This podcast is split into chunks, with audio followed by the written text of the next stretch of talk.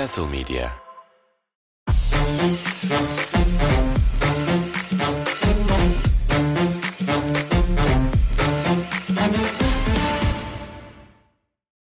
Castle Medya'nın sunduğu Şişkoskas'tan herkese selamlar. Her zaman olduğu gibi Ersinleriyle beraber haftanın Euroleague gündemini konuşacağız. Biraz bu hafta uzun bir aranın ardından tekrar beraberiz. Hoş geldin Ersin diyeyim. Hoş bulduk. Nasıl abi keyifler? Son bir ayda bir ayda konuşamadık. Valla ben ya bu işlere gerçekten vakit ayıran insanlara çok büyük hayranlık beslemeye başlıyorum. Kolay değil ya. Vallahi düşününce hiç kolay değilmiş yani hayat koşturmacası içinde ama umuyorum bundan sonra koşturmacalarımız azaldı. Daha sık bir araya geleceğiz. O yüzden kusura bakmayın ve ne tesadüf ki savaş, ne tesadüf ki Fenerbahçe kaybetti, kaybetti, kaybetti. Gitti ligde kaybetti, içeride kaybetti. Obradoviç'e kaybetti içeride şu bu. Ne zaman iki maç üst üste kazandı? Biz yine program yaptık ama hakikaten bununla O, alakası. o biraz kısmet oldu.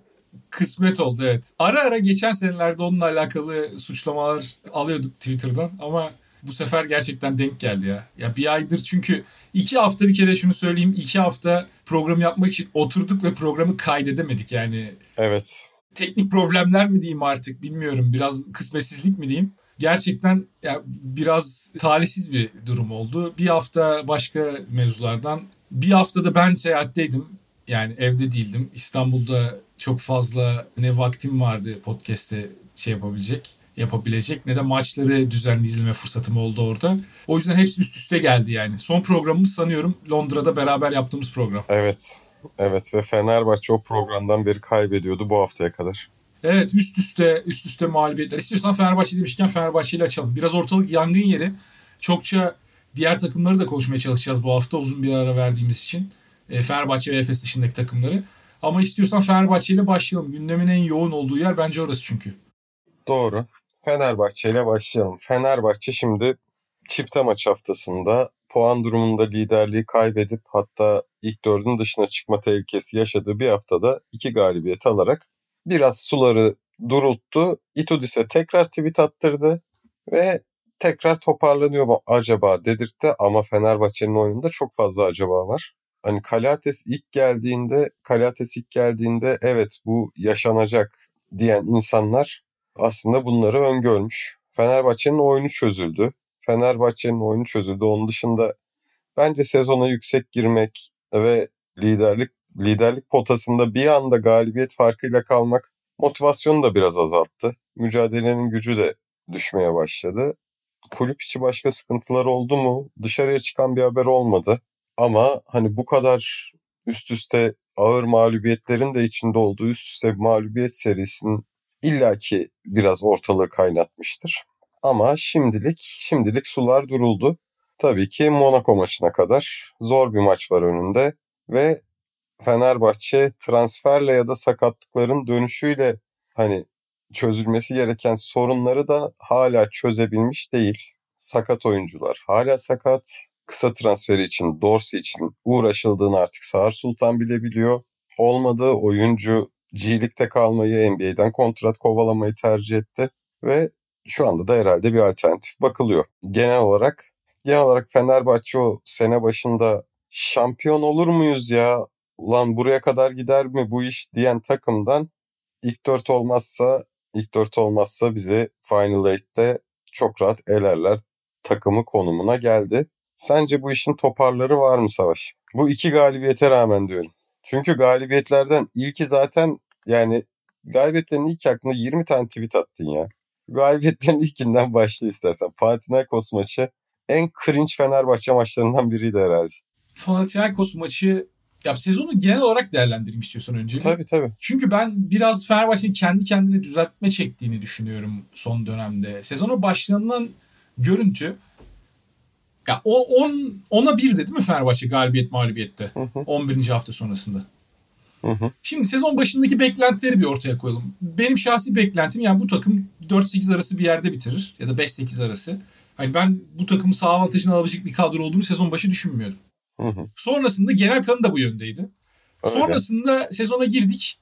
Sezona girmeden önceki daha Euroleague başlamadan önce son 7 gün içerisindeki genel modu da hatırlarsın. Cumhurbaşkanlığı kupası sonrası.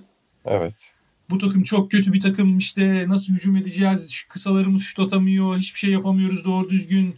Modli acaba olacak mı? Yani Bielitsa'da yok. Kim bilir ne zaman geri dönecek. O dönem daha konuşulmaya başlanmıştı. Bielitsa'nın dönmesi yeni yılı bulacak şeklinde fısıltılar dönmeye başlamıştı hatırlarsın arka planda. Her ne kadar hı hı. sesli sosyal medyada vesaire dile getirilmese de. Sonrasında öyle bir başlangıç ki ya 11 maçta 10 galibiyet. Tamam evet bu başlangıç sonuçta gerçek bir senaryo. Yaşandı bu senaryo ve Fenerbahçe'nin sahada neler yapabildiğini gördük o, o dönem boyunca. Ama bu dönem boyunca Fenerbahçe'nin neler yapabildiğini gördük. Buna biraz da hani konteks bağlam katmak lazım. Şimdi Fenerbahçe bu yaptıklarını nasıl yaptı? Bir, Kalates muazzam bir 10 hafta oynadı. Bunu söylemek lazım. İkincisi yani Nigel Hayes Davis muazzam bir 10 hafta oynadı. Yani bu iki oyuncunun bütün sezonu böyle oynayamayacaklarını o dönem tabii ki öngöremiyorsun yani. O dönem o kadar iyi oynadılar ki kaç hafta üst üste. Bunu söylediğin zaman da bu sefer şey oluyor. Yani neden felaket tellallığı yapıyorsun? dönüyor ki insan da hani sonuçta biz de taraftarız yani. İnsan da onu dile getirmek istemiyor. Acaba bir lafa adam girebilir mi? sıfır atar mı? Onda sıfır atar mı dile getirmek istemiyor. Ama işte şunu tamamlayayım sonra sana vereyim. Tamam.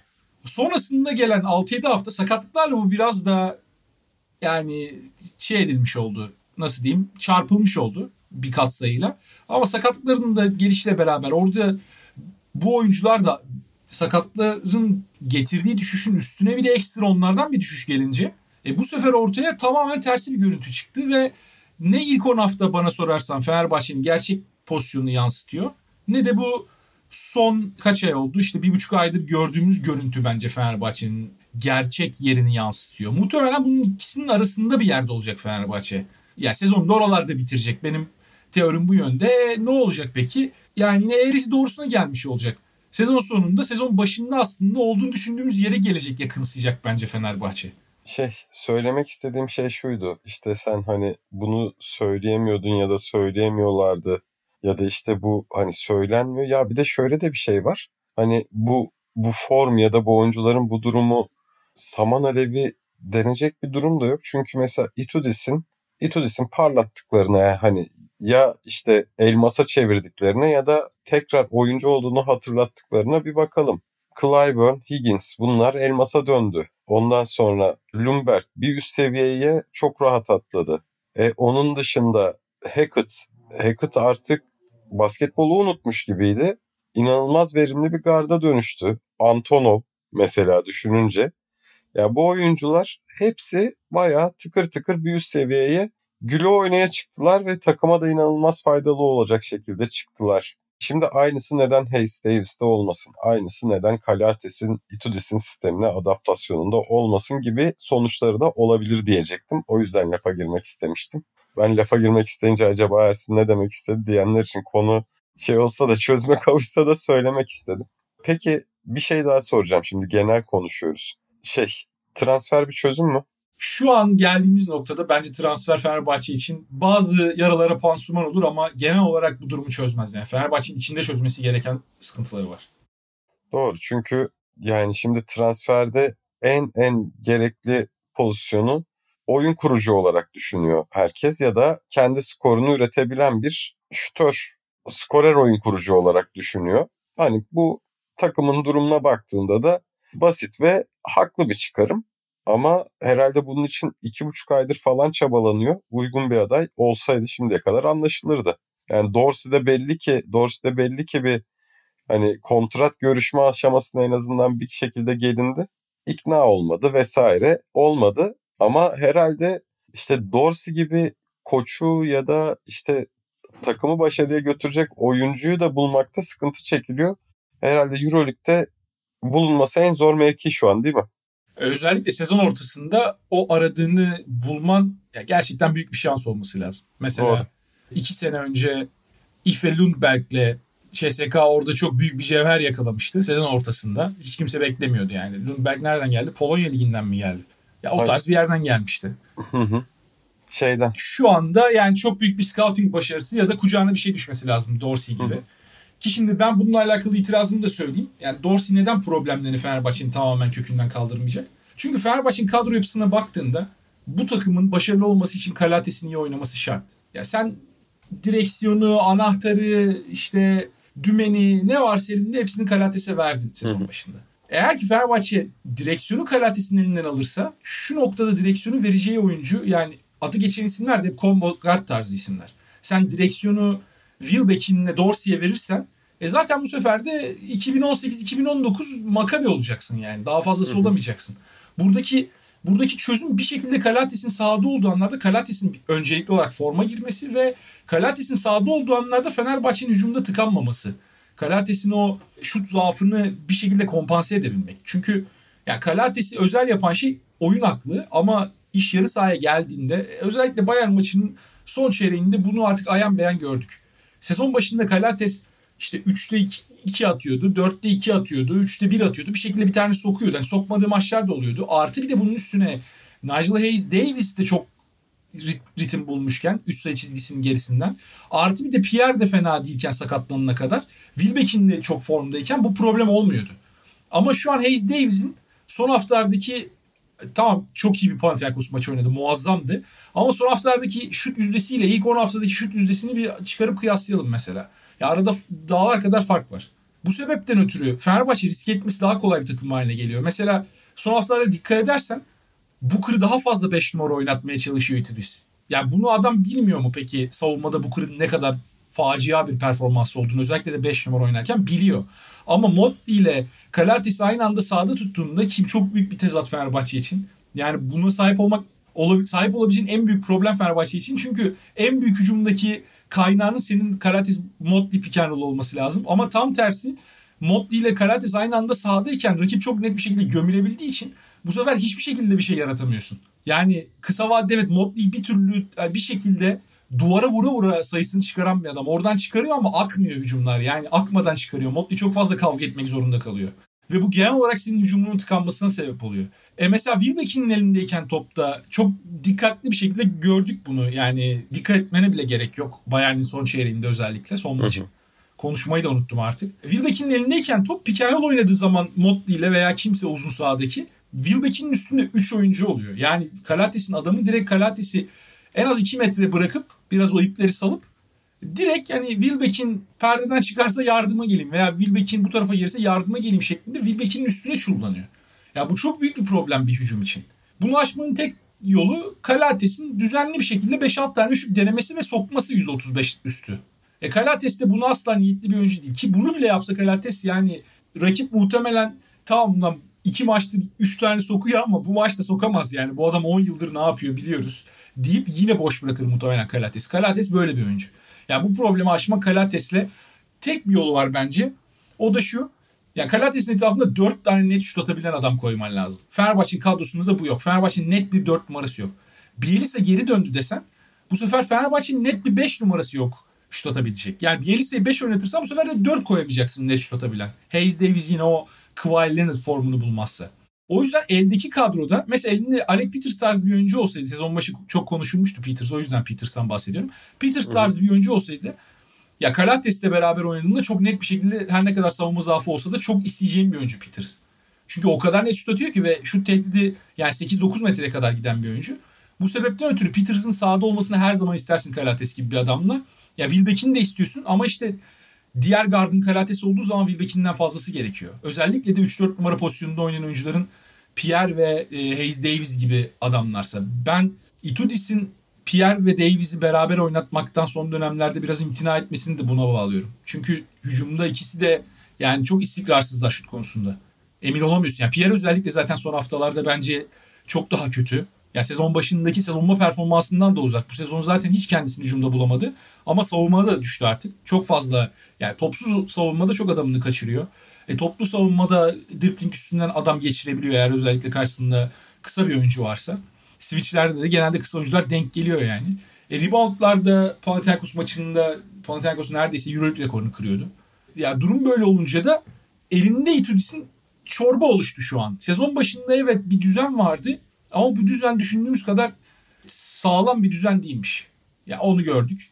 Ya sakatlıklarla tabii bu düzenin sarsılmasını da doğal karşılamak lazım ama üstüne sakatların dönüşüyle şu an tam kadro diyebiliyorsun neredeyse. Bielitsa'yı artık planlar dahilinde bile saymadığımız için.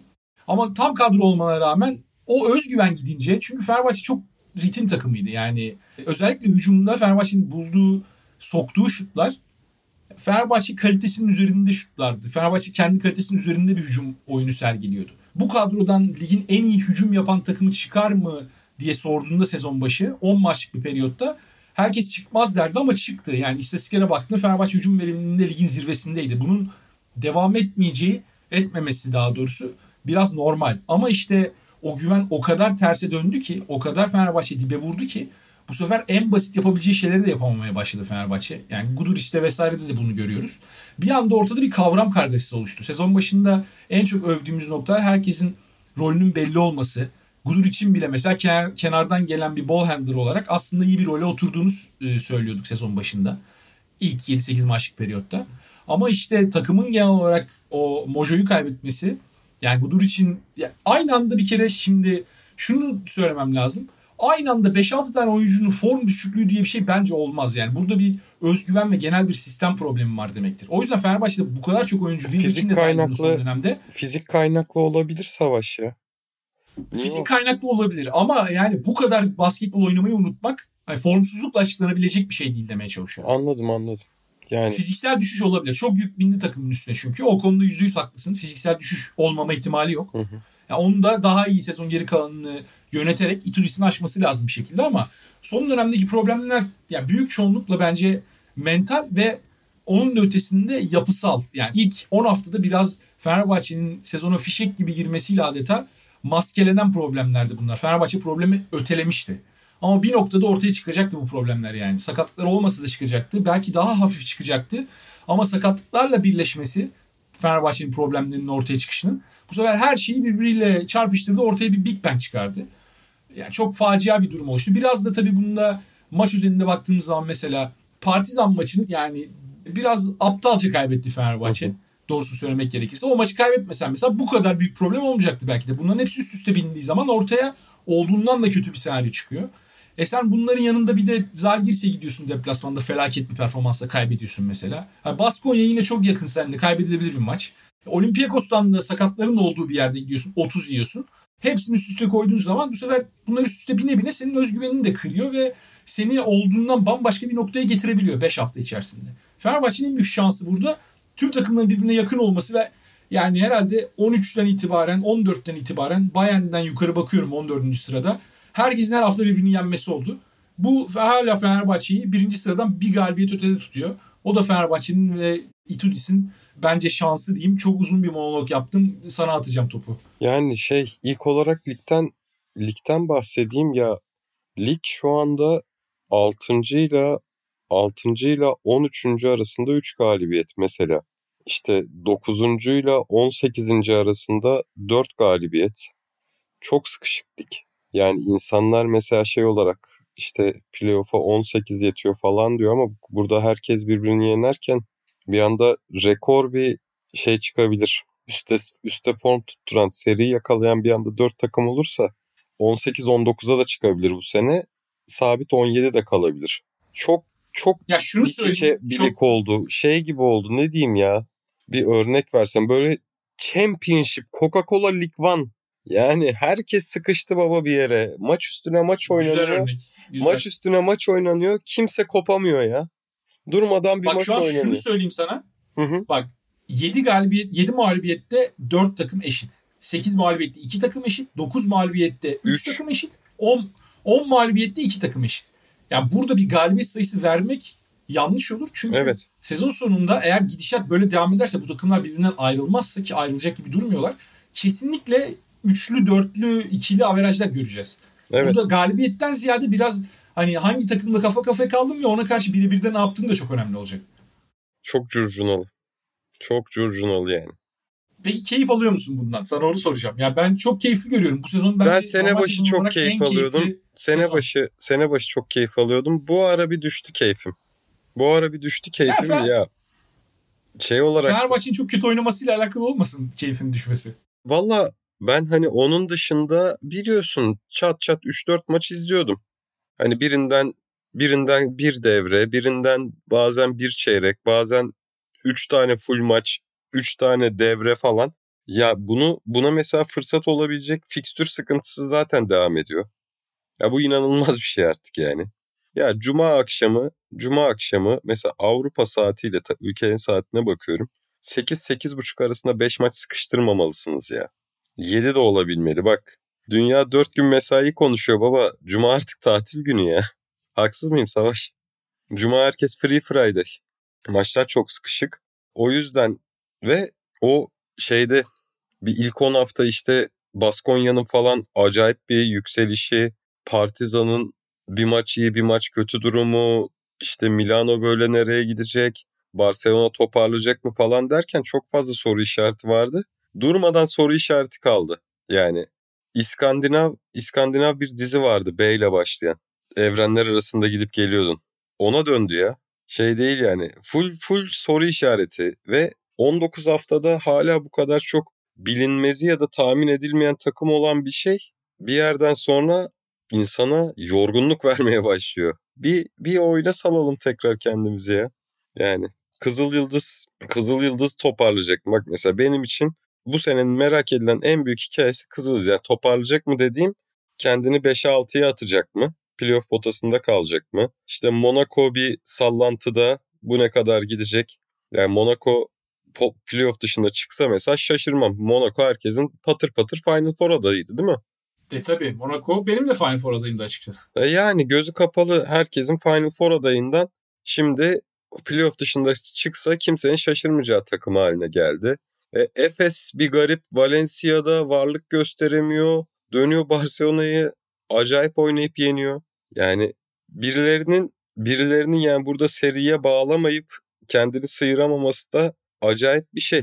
Yani formu dengeleyememe durumu olmuş. Ya Fenerbahçe ilk ilk 10 haftada 9 yapmış ki hala 3. Çünkü kimse aşağıya e çekecek şeyi yaşayamıyor. Şu an ben Zalgiris'in çok yukarıyı zorlayabileceğini zannetmiyorum. Playoff potansiyelleri var. Ama Zalgiris çok yukarıyı zannetmiyorum zorlayacağını. Ben ya ilk 8'deki 7 takımın ilk 4'te bitirmesine kimsenin şaşırmayacağını düşünüyorum şu an. Bilmiyorum katılır mısın? Zalgiris hariç. Evet. Hatta, ya, ya hatta hangi kombinasyonumuza şaşırmayız bence. Hatta Kızıl Yıldız. Kızıl Yıldız'ın yani zannetmiyorum. Çünkü tamam bu hafta kazandılar ama Campazzo mevzusu çözülmezse ve şu an Villoza da sakat. Bir ay o da yok. Hı hı. İkisi birden olmadan çok zor işte. Abi Campazzo mevzusunun da bir zahmet çözülmesi lazım ya. Kızıl Yıldız lehine bence. Ya orada verilen ceza azaltılacak bence. Bana da öyle geliyor ama yani temelli kalacaklarını zannetmiyorum ya. E tamam da yani. Bir duruş olarak sergilemeyi seçti Euroleague. Bunun ne kadar adil olduğu, hani daha önce benzerini yapan takımlara nasıl bir duruş sergilendiği falan tartışılır ama Euroleague bence bu tercihi yaptı. Ya burada biraz da Euroleague'e hak veriyorum çünkü yeni bir yönetim var biliyorsun şu an. Yani yeni bir CEO var, yeni işte Bodiroga var.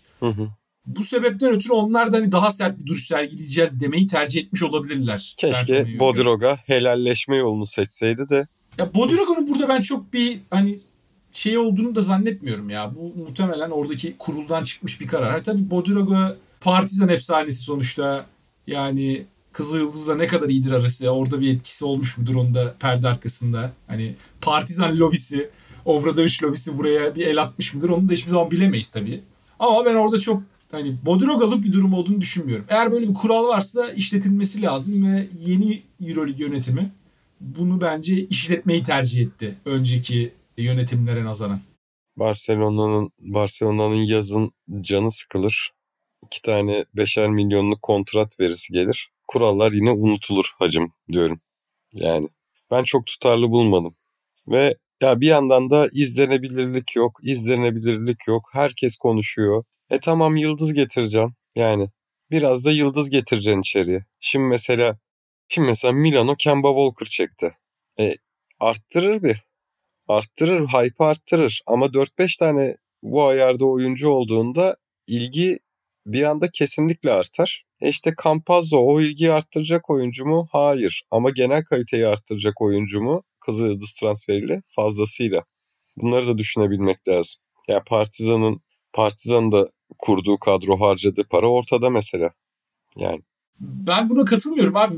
Yani tamam evet Campazzo kaliteyi arttıracak oyuncu ama bir ligin yönetiminin ilk görevinin ligin kalitesini arttırmakla beraber ligdeki adalet dengesini de sağlamak olduğunu düşünüyorum. Yani Kızıl Yıldız ödemeleri geciktiren bir takım olarak bu cezayı aldıysa bu cezayı almasının bir sebebi var. Yani yani var. Belki artık geciktirmeyecek abi. Geciktireni ya da lige Abi alma. böyle bir şey yok. Geciktirmeseydin o zaman. E tamam geciktireni lige alma o zaman yani. Kapalı lig E tamam haline bunun gel. bir cezası, bunun bir cezası olacak. Sen kapalı lig yaptığında içerideki takımların geciktirmeyeceğin garantisi mi var? Geciktirene cezayı veriyorsun işte. E işte onsuz kapalı lig yaparım diyeyim. Ne diyeyim yani. Bence abi senin sen çok taraftar bakış açısıyla yaklaşıyorsun bence. Yani senin bakış açını da anlıyorum ama ben açıkçası Kızıldız'a verilen bu cezanın hani dediğim sebepten ötürü biraz haksızlık payı olabilir ama çok da haksız olduğunu düşünmüyorum yani. Bence bir yerde Eurolig'in buna bir el atması gerekiyordu. Bir daha böyle bir şey yaparken iki kere düşünürler. Öyle de düşün. ödemedir gecikir abi be. İnsanlık abi. Senin ödemen gecikirse böyle mi diyeceksin? Benim ödemem mi? Geciktiği oluyor abi. Hani şey değil biliyorsun ben freelance olarak çalışıyorum. Bazen sistemsel geciktiği oluyor. Bazen- Abi sistemsel gecikme mi bu Allah aşkına? Bazen işte bazen işte aa bu ayı böyle yapacağız diyor bir şekilde kurumlar. Bir şekilde olabiliyor. Gecikebiliyor ya. Canınız sağ olsun abi. Belli ki Campazzo alan geciktirmezdi yani. Ben bunu düşünürdüm. Abi yani oynatamayacakları oyuncuyu da almasalarmış. Ben de öyle diyorum. Ya bundan emin olmadan nasıl gidip böyle bir imza attırabiliyorsun ve sonra bundan şikayet ediyorsun? O da ayrı bir konu. Sıkıntı var. Benim hoşuma gitmedi. Bakalım nasıl bakalım nasıl nasıl çözüleceğini göreceğiz.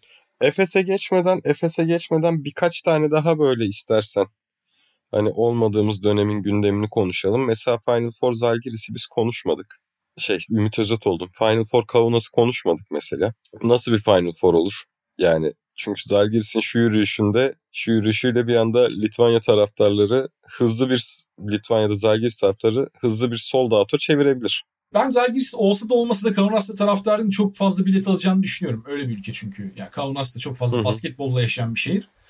Bir de şeye bakıyordum. Yani hani gider miyim diye Airbnb'ye vesaireye bakıyordum. İlk açıklanmadan önce baktım hatta. Hı hı. Hı hı. Çok küçük şehir. çab- Çabuk çabuk tükenebilir diye. Hı hı. Hatta tuttum bu arada Airbnb. Yani iptal edilebilir tuttum. Hı hı. Gidersem giderim. Gitmezsem iptal ederim diye. Hı hı. Yani onların adına çok büyük şanssızlık oldu Evans sakatlığı. Şöyle bir sezonda karambole herhangi biri gelebilir gibi duruyor Final Four'a ve Zalgiris de bayağı taş gibi top oynuyor. Çok Evet. sağlam takım. Yani orada oturmuş bir düzen var. Ve öyle bir düzen ki yani olan havası mesela Fener'den geri getirdin tak çıkar yerine geri koydun adam yine topunu oynuyor. Hı hı. Ve bence elde fena olmayan parçalar da var. Ama işte dediğim gibi çok büyük talihsizlik oldu. Umarım Zalgiris'i çok yani etkilemez bu ki hani yine iki maçta kazandılar bu hafta bu arada. Evet evet. Fenerbahçe maçından sonra. O da o ilginç. Şimdi bir Isaiah Taylor ve üstüne Polonara hamlesi geldi ki Polonara gidebileceği en iyi yere gitti bence. Hı hı. Tam Polonara takımı. Yani Baskonya'nın bir değişik versiyonu Zalgiris'te sonuçta. Baba bir de- Baba bir de Türkiye'de. Türkiye'de sıçan Zalgiris'te hayat buluyor. Loven, Ulanovas. Loven, Ulanovas sıra sende. Vallahi billahi hatta ama Hayes şeydi. Hayes iyiyken gitmişti. O sayılmaz. Hayes'in de Zalgiris performansı bayağı iyiydi. O sayılmaz. Tabii Hayes Galatasaray üstü Zalgiris yapmadı mı? Evet evet. Tam Hayes. Hayes üstüne koyarak gitti. O sayılmaz. Yani Kaunas'la ilgili şunu söyleyeyim. Yani basketbolu yaşayan bir şehir olduğu için oraya gittiğinde mesela biz ne zamandı? 2016'ydı. 2016'da Berlin'e gittik. Berlin'de Final Four olduğunda kimsenin haberi yoktu açıkçası. Yani salonun etrafına geldiğinde Final Four olduğunu anlıyorsun. Ama Kaunas gibi şehirlerde özellikle de ülke basketbola bu kadar açken ve ilgi duyuyorken takımı orada olsa da olmasa da ben Kaunas'ın o hafta sonunu Final Four'la yaşayacağına eminim. Bir de çok küçük şehir. Yani şöyle söyleyeyim kalınacak merkezdeki kalınacak yerlerin %90'ını falan 15 dakikada yürüyebiliyorsun salondan. Öyle bir şehir. Ya Berlin merkeziyle salon arasında en az yarım saatlik metro mesafesi vardı mesela öyle düşün. ama bir yandan şöyle de düşün. Yani Kreuzberg'de bir Berlin merkeziydi. Kreuzberg'e yakın. E tabi o zaman. öyle. Öyle ama yani şeyi yaşayamıyorsun orada mesela. Burada muhtemelen herkesi göreceksin aynı merkezde. Final Four'la alakalı oraya gelmiş olan herkes aynı yerlerde olacak muhtemelen. Evet. Taraftarlar birbiriyle iç içe olacak. O atmosferi yaşayabileceksin yani. Hı hı. Maçtan Burada- önce, burada maçtan biraz da- sonra. Burada biraz da iş aslında organizasyon kalitesinde bitiyor bu saatten sonra. Tabii. Tabii. Ya onunla ilgili de ben çok sıkıntı olacağını zannetmiyorum. Çünkü Litvanya bir basketbol ülkesi. Orada daha önce de büyük maçlar oynandı. Hı hı. Yani dediğim gibi salon da çok güzel bir salon. Hı hı. Yani yeni bir salon. Hı hı. Zalgiris de yıllardır orada kapalı gişe oynayan bir takım. O yüzden ben keyifli bir Final Four olacağını düşünüyorum. En büyük sıkıntı burada şehrin kapasitesi eğer ki mesela iki tane taraftar sayısı fazla olan takım denk gelirse atıyorum. Fenerbahçe Olympiakos oldu. Ki şu an zaten ilk 8'e bakıyorum. Herhalde o açıdan en büyük sıkıntı yaratacak takımlar Fenerbahçe ve Olympiakos yani. Bir de Baskonya olabilir. Hı hı. Mesela atıyorum Baskonya Fenerbahçe Olympiakos aynı anda oldu. Muhtemelen otel fiyatları tavan yapacaktır.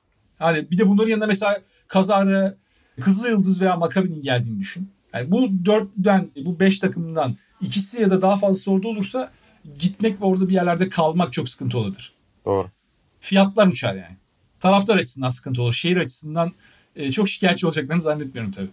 Tabii canım şehirde şehirde şimdi yani Litvanya'nın meşhur bir yemeğini bilmiyorum ama Litvanya'nın meşhur yemekçisi bayram edecek ya. Bir ay önceden E tabii Kaunas rezervasyon için çok büyük bir aynen çok büyük bir gelir kaynağı olacak bence. Döviz girecek abi bir kere şehre yani. Ülkeye. Abi evet ya bu çok önemli. döviz girecek demeni hiç beklemiyordum bugün.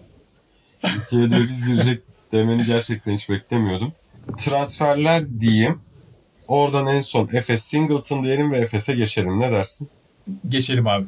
Yılın sükse transferi, flash transferi diyebiliriz herhalde değil mi? Milano Kemba Walker. Ya isim olarak öyle ama sahada Kemba Walker'ın ne vereceğini göreceğiz. Kemba Walker dizleri bitik bir oyuncu. Hani NBA'de de en büyük problemi 3 maç üst üste oynayamıyordu aslında. Hı hı. Oynasa bile bekleneni veremiyordu. O diz sakatlıklarından sonra yani Boston'a imza attığından beri Charlotte da o çekincelerle o kontratı vermemişti ona büyük kontratı. Sonra oradan işte Boston'a geçti. Sonra Boston sonrası zaten kariyeri artık tamamen aşağı doğru. E, Rotasyon oyuncusu bile değildi Dallas'ta. Yani bir tane iyi maçı var yanılmıyorsam ya da iki tane. Tamamen bench'in ucundaki oyunculardan biriydi. Hani Dallas çok böyle Luka dışında, Doncic dışında birinden katkı alamadığı zaman belki bugün de bu tutar diye sahaya sürdüğü oyunculardan biriydi. Onlar da çünkü sakatlıklarla da problem yaşadılar bu sene. Hı hı. O yüzden Kemba isim olarak önemli bir oyuncu. Yani defalarca All-Star olmuş. Bir kere yanılmıyorsam en iyi üçüncü beşe mi seçilmişti? ikinci beşe mi? Öyle bir şey de olması lazım. Yani önemli bir oyuncu isim ve kariyeri olarak. Ama tabii Milano düzeninde yani Messina gibi bir hocanın düzeninde sezon ortasında gelip de bir de diziler de bu kadar bitikken fiziksel olarak da en iyi durumundan çok uzakken nasıl yapacak? O etkiyi verebilecek mi? Çünkü Milano'da hani şeye ihtiyacı yok Milano'nun. Böyle kenardan gelsin, skor üretsin, işte ekstra skor gücü olsun da değil. Milano'nun direkt direksiyonu eline verecek bir garda ihtiyacı var şu an. Pangos Şu an yani- olmasaydı, Pangos sakat olmasaydı bu transfer olmazdı zaten. Büyük ihtimal. Tabii canım yani Walker da çünkü fiziksel olarak çok büyük zaafları olan bir oyuncu. Savunmada falan çok büyük sıkıntı yaratan oyuncu. Yani Euroleague seviyesinde bile yaratır. O derece. E, Pangos da benzer problemlerden çeken bir oyuncu. O yüzden Pangos olmasaydı, e, Pangos sakatlı olmasa bu transfer olmazdı. Kesinlikle katılıyorum sana. Üstüne yani dediğim gibi Milano'da şu an kimler guard oynuyor? Yani şeyin elinde falan direksiyon artık. Cabaro'nun falan elinde yani. Evet. O derece hiç uzaktan yakından guard olmakla, point guard olmakla alakası olmayan oyuncular mecburen hücum yönlendirmeye çalışıyor. O yüzden Kemba'yı direkt alıp sahaya atacaklar ve o kontrol dominlerini verecekler. Nasıl bir deney olacak bu çok merak ediyorum ben de. Kesinlikle 1-2 Milano maçı izleyeceğim yani Kemba geldiğinde. Valla yani şey olarak düşünüyorum. Şimdi mesela defeklerini söyledik. E o oyuncu zaten hani Charlotte üstü bastığım ilk sene diyeyim. Baya baya en tepe seviyedeki oyunculardan biriydi. Ya süperstar diyebilirdik değil mi oyuncuya yani? O, Yok abi süperstar tanımının çok gevşek olması lazım Kemba'ya süperstar diyebilmen için. O sezonki performanslarına süperstar denmez mi? Yok abi Süperstar. Boston'lar da şimdi memnun değillerdi. Yani Charlotte'da da hani küçük takımın büyük oyuncusuydu. Evet çok iyi sezonları var. Yusuf Şimşek. E, o tarz bir oyuncuydu. Evet biraz o tarz bir oyuncuydu. Fiziksel olarak çok bariz defoları olan bir oyuncu. Yani NBA kariyeri de öyle geçti. Yusuf Şimşek'te Mustafa Denizli şampiyonluk yaşadı. Yani bu da bir bu da bir olay usta. Ya bilmiyorum iyi bir skor potansiyeli. Heyecanlandırıyor. Step back İyi şutlar. bir skor potansiyeli değil bence. Yani burada en önemli artısı tabii çok step back net şutlar. İyi, iyi şutör. Bekliyorum ya. Şöyle keyiflendirecek. Atar bir iki tane 10 yani 9 metreden falan atar. Yani Mike, Highlight olur yani. Mike, Jackson, Mike James'in çok hızlı yapabildiğini daha yavaş yapıp aa bunu nasıl yaptı ya diyecek bir oyuncuya ihtiyacımız vardı. Hoş geldin Kemba Walker diyorum. Bu arada yani Prime'ında Mike James'den çok daha çabuk bir oyuncu. Tabii, tabii canım illa ki. Şu anda işte... Ama şu an işte ne durumda çok bilmiyoruz yani. Göreceğiz. Ama herhalde yani şeyde Euroleague'de teknik kalite olarak diyeyim, yetenek olarak en tepe seviyedeki oyuncu olarak geldi. Tabii bu yeteneği sahaya sürebilmek, fiziki yetersizlikler, oynama alışkanlığı vesaire olduğunda, oynama alışkanlığı eksikliği olduğunda sıkıntılar, sıkıntılara yol açan bir durum. Merak ettiğim ama yani yine biliyorsun ben yerli oyuncu severim. NBA'in NBA'in bir dönemki yıldızını severim abi. Ben bu iki ben bu iki şeye hep gönülden bağlıyım. O yüzden ben senin gibi düşünmüyorum. Optimistim bu hamle konusunda. Sen Allen Iverson geldiğinde Allen Iverson geldiğinde havaalanına karşılamaya gittin mi Mersin? Yok abi gitmedim. Bursa'ya Bursa'da Tofaş maçı hatta hiç unutmam yani 31 Aralık 2012 akşamı Tofaş'ta Allen Iverson'ı o eski Atatürk Spor Salonu'nda mahvetmişti Tofaş. Yani o en kötü halini gördüm. Hani iyi skor ürettiği bir maçtı diye hatırlıyorum ama böyle elden top vermeler, üst üste 3 top çaldırmalar falan yaşamıştı. Ya, o halini görmeseydim ya. Ama derin Abi işte Kemba Walker'da geldiğinde bence muhtemelen genel olarak keşke bu halini görmeseydim Kemba diyeceksin ya. Ben, ben öyle düşünüyorum. Ben optimistim. Derin yani Williams şunu not düşeyim. De, Derin Williams geldiğinde de şu yorum yapmıştım. Euro Challenge'da 50 sayı atar bu bir maçta. Attı. Abi Darren Williams'la bir tutulacak tamam, bir şey bir tutmuyorum da. Kariyerinin prime'ında geldi buraya. Zaten oh. NBA All-Star iken geldi Darren Williams. Euro Challenge'da bir maçta 50 atar. Yani Darren Williams'a şimdi mesela Euro Challenge'da bir maçta 50 atmak da kolay mı abi? 50 atıyorsan Euro Challenge'da Darren Williams olarak maçın kafa kafaya gitmesi lazım. Hani kopan Şu an maçta... şunu söyleyeyim. Aha. NBA'de bir maçta 50 sayı atmanın zorluğuyla şu an Euro Challenge'da bir maçta 50 sayı atmanın zorluğu aynı olabilir. Bu sezon. Euro Challenge'da atmak daha zor. Bariz daha zor. evet yani onu demek istemedim hani ağzım gitmedi onu söylemeye de. Yani bu sezon o kadar çok 50 sayı, 60 sayı, 70 sayı gördük ki NBA'de de biraz işin bence suyu çıktı son dönemde. Şunu söyleyeceğim Kemba ile alakalı. Kemba'nın sakatlığından hep şu şekilde bahsediliyor. İyi hissettiği günlerde hani yine iyi performans verebiliyor.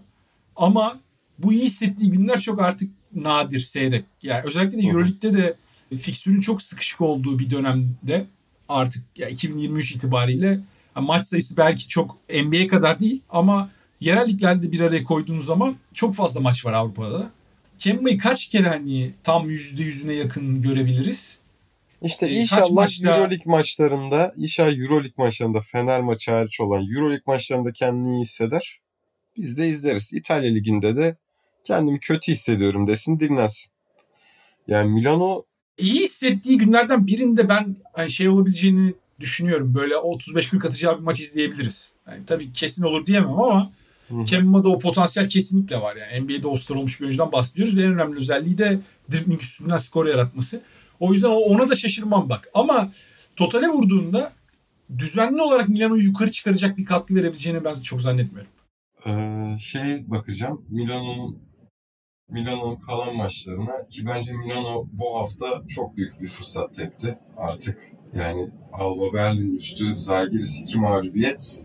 Milano'da hani 17 galibiyetle bitse 15 maçta 11 kazanman lazım. 19'da 6 yapan takım en az 11 galibiyet nasıl alacak? Bence hiç kolay değil. Bence işleri zor ya. Buradan sonra yukarısı birbirine evet. çok yakınken yani evet, fikstür evet. de kolay değil. Fikstür de kolay değil. İşte Monaco'ya gidecekler daha, Fener'e gidecekler. İşte Kızıl Yıldız maçları var. Yani gerçi zaten niye sayıyorum? Ligin yarısındayız. Hani 15 takımla daha oynayacaklar sonuçta. Evet, evet. Fikstür olarak da kolay çok... yerinde kolay yerinde 2'de 0. Evet aynen. Bu hafta Alba üstü Zalgiris değil mi 2'de 0? Evet. Yani evet içeride bir de Zalgiris'e kaybetmeyeceksin yani playoff yapmak istiyorsan. Evet, şu durumdaysan. Evet. Çünkü bir seriye bağlamışlardı. Olympiakos deplasmanı olur derdin yani. Alba'yı şey yeneriz, Zalgiris'i yeneriz. 19'da 8 şeyler. 13'te 3'ten buraya geldik. Baba daha ne istiyorsunuz dersin. Ama söndü. Peki o zaman Singleton ve Efes diyelim. Yani Efes ile alakalı ne söylesek bir sonraki hafta tersi oluyor gibi bir durum var bu sezon. Son bir aydır podcast yapmadığımız için birbirimize söylemedik bunu ama ben kendi açımdan düşündüğümde bir hafta Efes'e diyorum ki tamam artık buradan sonra Efes işleri yoluna koyacak üst üste kazanacak. Sonraki hafta bir bakıyoruz deplasmanda Valencia mağlubiyeti işte. Sonra Valencia mağlubiyetinden sonra deplasmanda Barcelona ile oynayacak Efes. Diyorum herhalde Barcelona da formda bu dönem. Artık onlar da iki yıldır Efes'e bir türlü diş geçiremiyorlar yani bir maçta kazansınlar. Herhalde artık bu maç o maçı olur diyorsun. Hı hı. Efes gidiyor deplasmanda 35 dakika Barcelona'yı domine ediyor. Son hı hı. 5 dakika hani bir kaza yaşandı ama 35 e, dakika Efes'in domine ettiğini söylersek herhalde yanlış söylemiş olmayız. Doğru. Efes'in son 5 maçına bakıyorum mesela şu an önümde açık. Galibiyet, mağlubiyet, galibiyet, mağlubiyet, galibiyet. Yani Efes'te bu sezon böyle bir two face durumu görüyoruz. Bir taraftan bakıyorsun o işler muazzam elinde Misic var, işte Clyburn var. İkisi de çok iyi sezon geçiriyor. Totale baktığında Larkin geldi. O da Barcelona maçını çok iyi oynadı. Dönem dönem çok kritik şutlar soktu. Hı hı. E, şimdi Singleton'ı da koydum bunların üstüne diyorsun. E ama sonra dönüyorsun öteki yüzüne bakıyorsun. Ya Efes bambaşka bir takımmış gibi oynuyor. Ama tabii bunların hepsini şu şekilde değerlendirirsen yani Efes şampiyon takım. Efes vidayı sıktığı zaman oynuyor abi ve vidayı sıktığında Efes Efes'in rakibi de yok aslında bu ligde. Dediğinde tamam bunların hepsini bir bağlama oturtabiliyorsun. O zaman Efes'ten yani o atlamayı işler artık yani yumurta deliye dayandığında derler ya e, o noktaya geldiğinde Efes o patlamayı yapacak diyorsun. Ama bu bir problem mi? Yani üçüncü yıl üst üste yine aynı şeyi konuşuyoruz Efes'le alakalı. Son, önceki iki yılda da aynısı oldu. Üçüncü yıl yine aynı şeyi konuşuyoruz Efes'le alakalı. Bu sezon yine aynı şekilde sonuçlanacak mı? Yoksa yine Efes bu gösterdiği zaaf yani yine değil de Efes bu sefer gösterdiği zaaflarla avlanacak mı? Hani buna ben hala karar veremiyorum.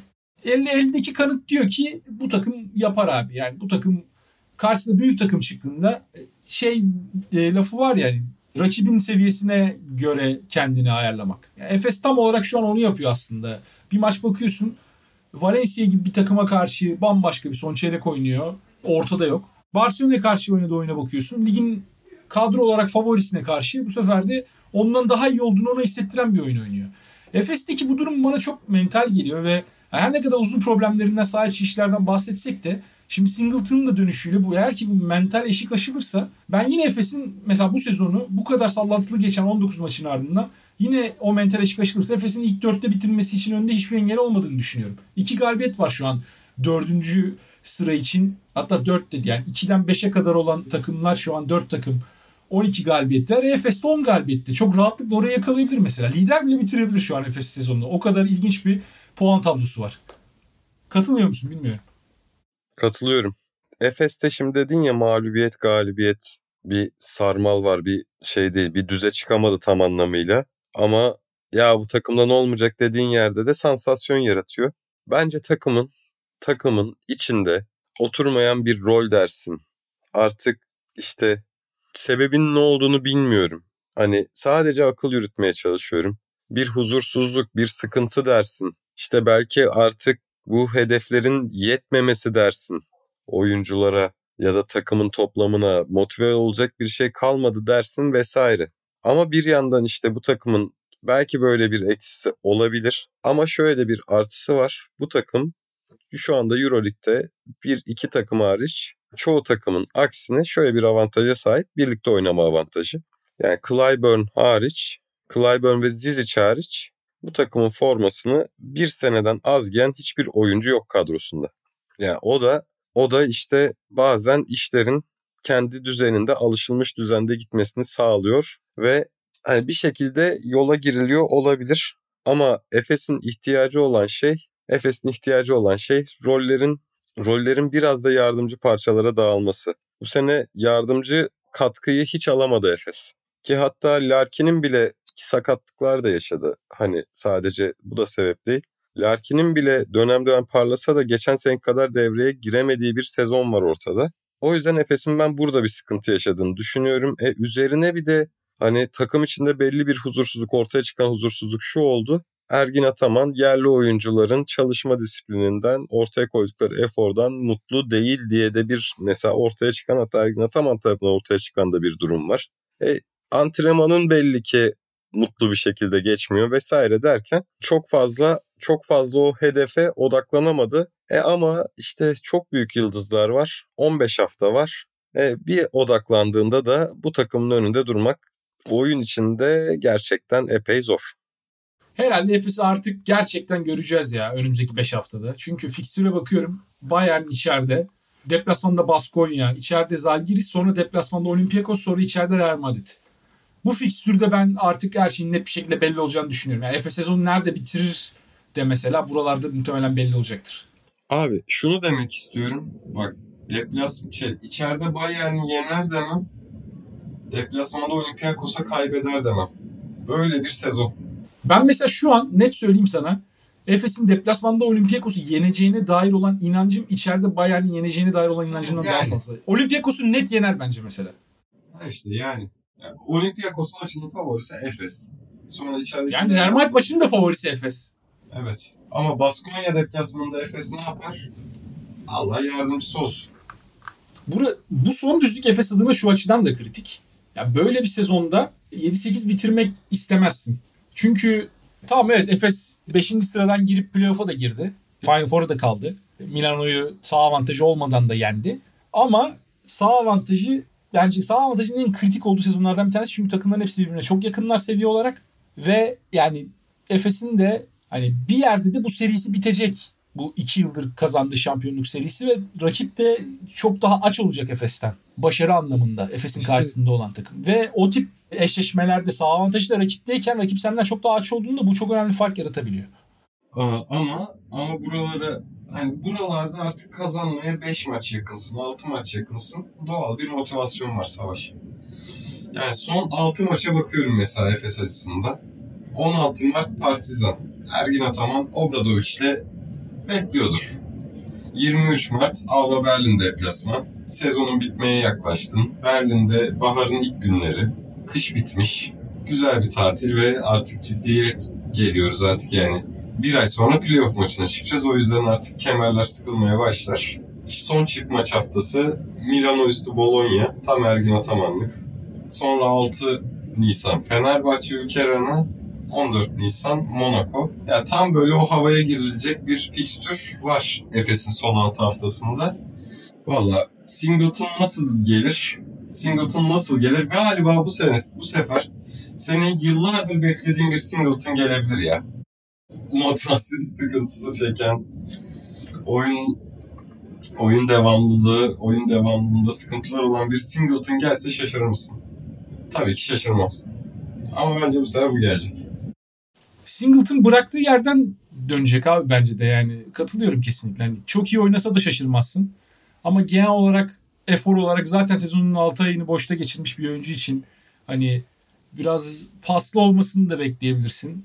O Singleton zaten oynadığı dönemde bile bazen böyle kafa olarak gidik oluyordu. Şu anda aynısını görebiliriz. Ama tabii basketbola biraz daha açsa bu, bu Efes için çok daha iyi olacaktır. Yani e, Singleton neler yapabildiğini biliyoruz konsantre olduğu zaman. O yüzden Singleton'dan bu noktadan sonra sonuna kadar hani 20-10 yaptığı bir Barcelona maçı da görsem şaşırmam Final Four'da. Sıfır sayı işte 2 rebound 1 asistle 5 dakika oynadığı bir maç da görsem şaşırmam çok. E, o yüzden kesinlikle katılıyorum sana. Ben bu sefer ben bu sefer şöyle diyorum. Savaş'ın yıllardır hayalini kurduğu şey gerçekleşecek. Çünkü o Singleton hep konsantrasyonu kaybedip düşeceğini bekliyordu ve yıllardır bunu çok bekledi. Hatta ben bunu beklemekten sıkıldım abi Londra'ya taşınacağım dedi. Bence bu sefer Singleton o beklenen katkıyı veremeyecek. ben bunu beklemiyordum abi. Ben böyle olduğunu söylüyordum. Singleton da böyleydi zaten. Yani Öngörüyordun. Singleton kon- Öngörüyordun konsantre diye. olduğunda Singleton zaten yani muazzam bir oyuncu. Bence NBA oyuncusu. Yani tamam NBA Ön- yıldızı değil ama NBA'de rotasyon oyuncusu yani. Sürekli kafası oyunda olsa. Öngörüyordun diyelim. E ön, öngörüyordum. E tabii Singleton performansı genel olarak Efes performansı beni yanılttı totale baktığımızda. Ben Hı hı. Singleton çok doğru bir transfer olduğunu düşünmüyordum. Barcelona sezonundan sonra özellikle. Orada tamamen satmışken sezonu mesela. O tarz oyuncuları ben baştan almama taraftarıyım her zaman ama Ergin Ataman Singleton'dan çok optimize bir şekilde seçerek böyle cımbızla iyi performansları aldı. O zaman Singleton konusunu da kapatarak Rashford'un golü ne biçim bir offside'ti be. Yıllar sonra gelecek Arsenal şampiyonluğu böyle mi gelecekti?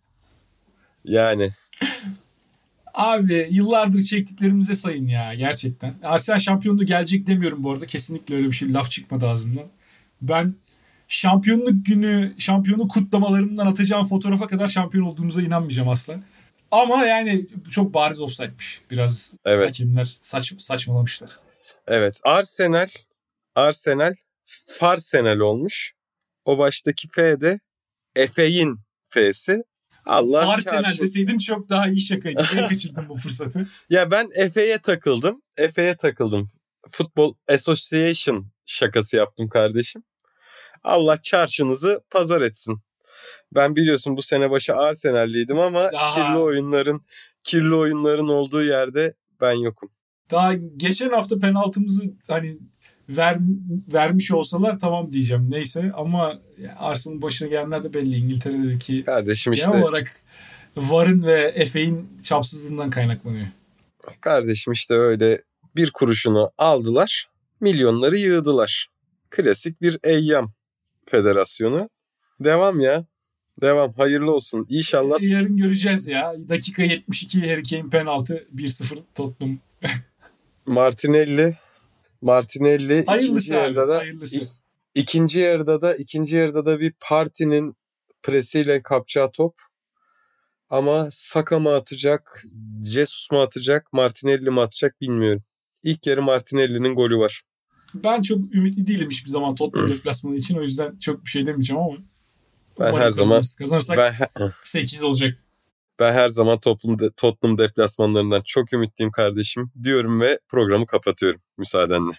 Umarım abi senin ümitli olduğun gibi bir sonuç olur. Eyvallah. Kapatalım o zaman yavaştan. Tamamdır. Tamamdır. Dinlediğiniz için teşekkürler. Bir sonraki programda görüşmek üzere. Umarım keyfiniz, sağlığınız, mutluluğunuz hep daim olur dostlar. Görüşmek üzere. Hoşçakalın.